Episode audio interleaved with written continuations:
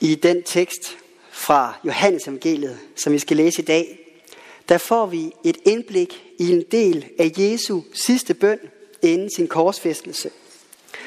Og ved første øjekast, der kan det godt være lidt vanskeligt at bevare overblikket, fordi der er så mange indskudte sætninger. Men bønnen, den oser simpelthen af intensitet og kærlighed. Og det er tydeligt, at Jesus han har meget på hjerte. Lidt ligesom en far, der vil gøre alt, hvad der overhovedet står i hans magt, for at redde det barn, han elsker så højt. Og der er intet mindre end seks sætninger i det korte afsnit, der begynder med ordene for at. En formulering, der jo antyder et mål eller et ønske. Og Jesu mange sætninger med for at, det giver et enestående indblik i Jesu bankende hjerte for et hvert menneske. Og for overblikets skyld, så har jeg fremhævet de sætninger med forat på skærmen, når nu gerne må rejse jer og høre dette hellige evangelium, der står skrevet hos evangelisten Johannes.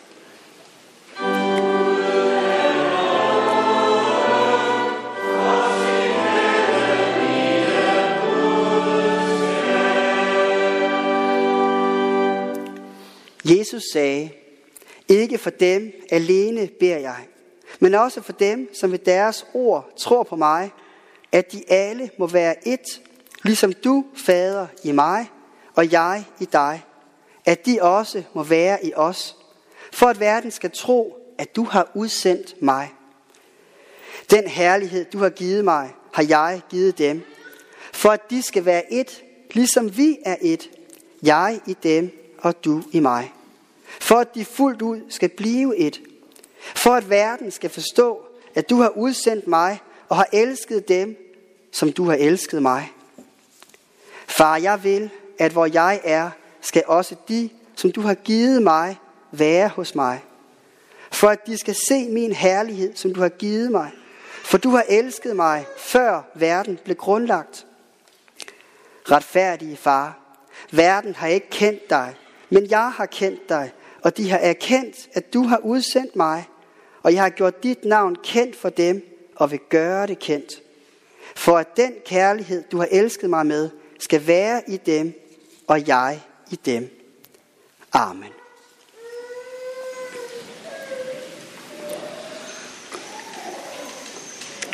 Betydningen af Jesu bøn her, den er næsten så svimlende stor, at det kan være svært helt at gribe om det.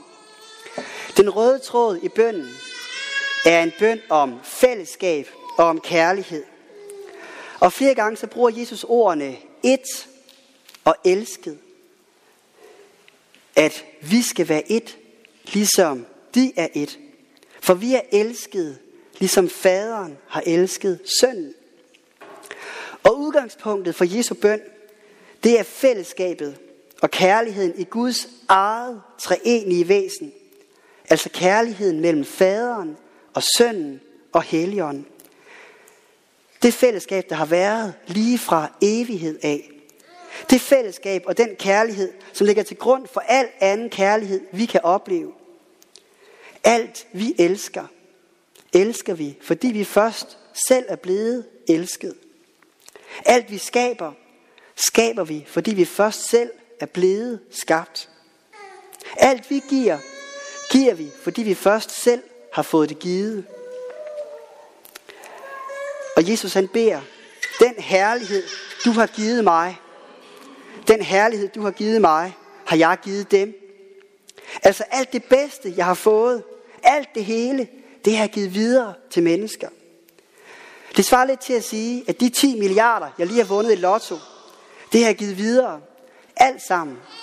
Simpelthen råb og stop. Jeg har givet det hele.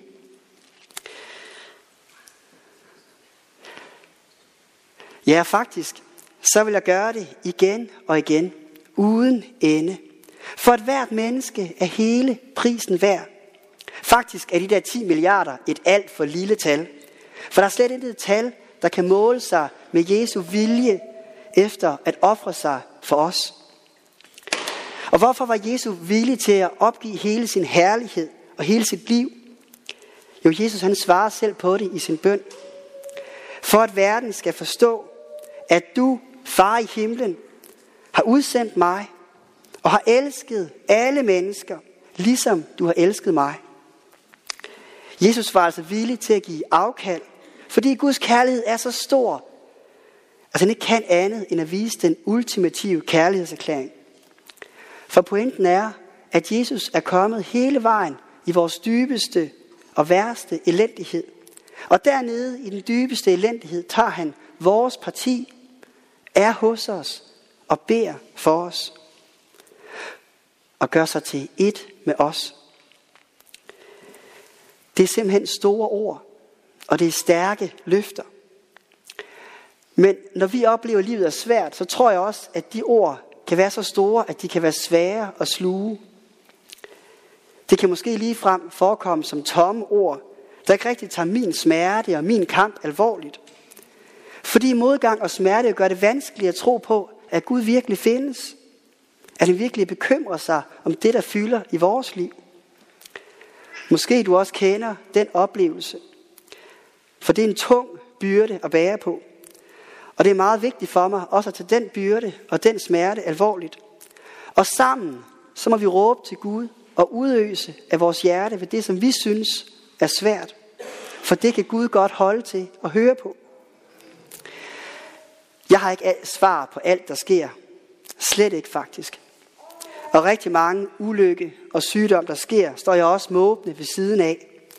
For der er simpelthen meget meningsløst ondt i den her verden. Men jeg vil gerne dele en fortælling med jer, som sætter et meget stærkt perspektiv på tingene for mig. Det handler om et sølvbrudpar for ikke så lang tid siden, hvor datteren holdte en meget rørende tale til sine forældre. Hun begyndte med at fortælle forsamlingen om en meget besværlig og oprørsk tid i sit liv. En tid, hvor hun fjernede sig mere og mere fra hjemmets værdier og hjemmets tro. Og hun røg hash i stor stil. Forældrene de gjorde fortvivlet alt, hvad de kunne. Men hun trodsede dem bare desto mere. Men så fortalte hun om en ganske særlig episode, der blev et vendepunkt for hende. Forældrene de var stadig fulde af fortvivlelse, og det samme var hun. Hun var til med fyldt af frustrationer og af vrede og af skam og af usikkerhed og af hårdt pres. Men aften der var hun kommet hjem, og så havde hun forlangt sin far, at han skulle køre hende ud på Christiania, så hun kunne få fat i noget mere has. Det afviste han selvfølgelig.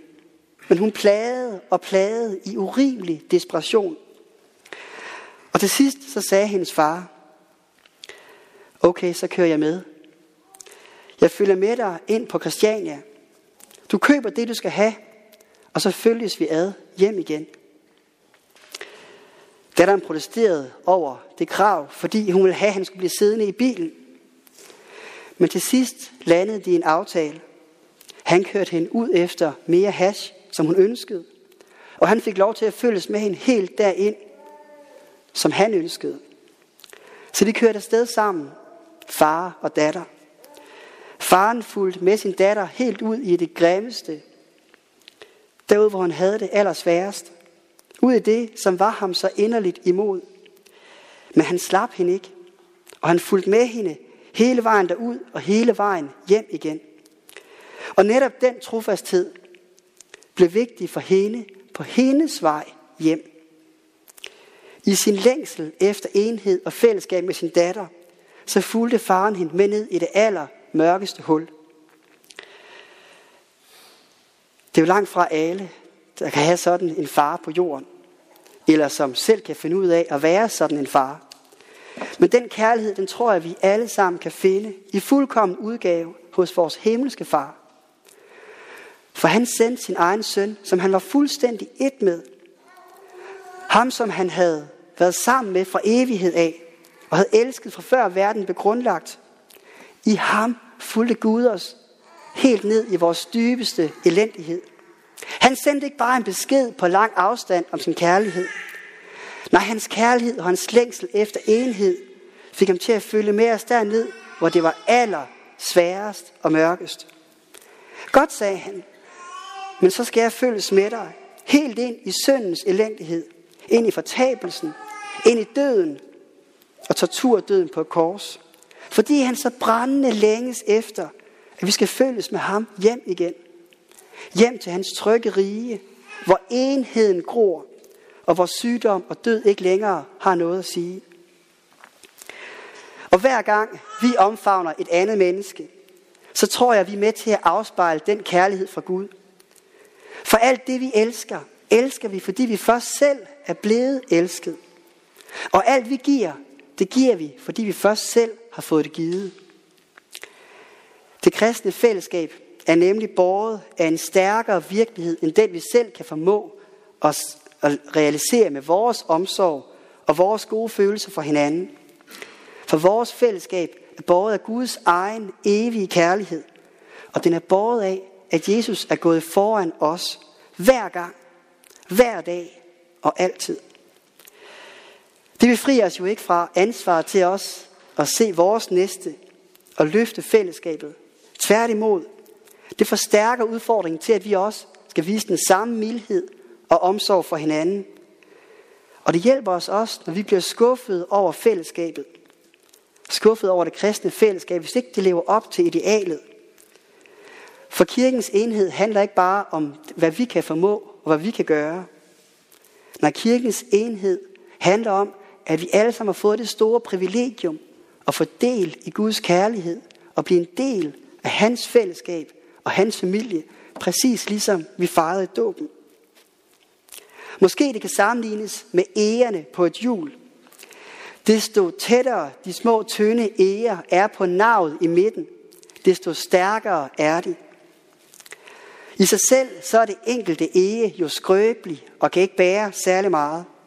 Men når de sidder tæt sammen og er forbundet med navet i midten, så bliver det stærkt, og det bliver bæredygtigt. Og jeg tror, at Jesus han er som navet, som det omdrejningspunkt. Og vi er egerne. Vi er dem, der rækker ud. Vi er dem, der er dybt afhængige af, at der også er andre omkring os, der bærer. Og ikke mindst dybt afhængige af, at vi er tæt forbundet med centrum. Forbundet med Jesus og med den kærlighed, som han har vist til os. For uden ham, så er vi skrøbelige. Uden ham er vi magtesløse. Så kære menighed, se omkring jer, både herinde og ude i hverdagen.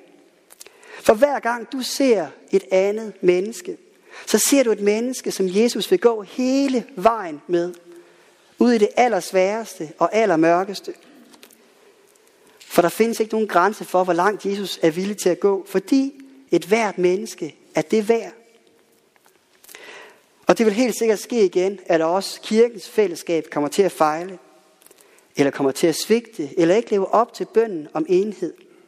Det kan ikke undgås, fordi vi er mennesker. Og derfor har vi brug for Jesu forbøn. Og vi har brug for, at det er Gud, der leder os igen og igen og igen. Vi har brug for, at Jesus, Jesus går med hele vejen ud på Christiania, eller der, hvor vi er, hvor livet er svært. For det er den Gud, vi tror på. Lad os bede sammen.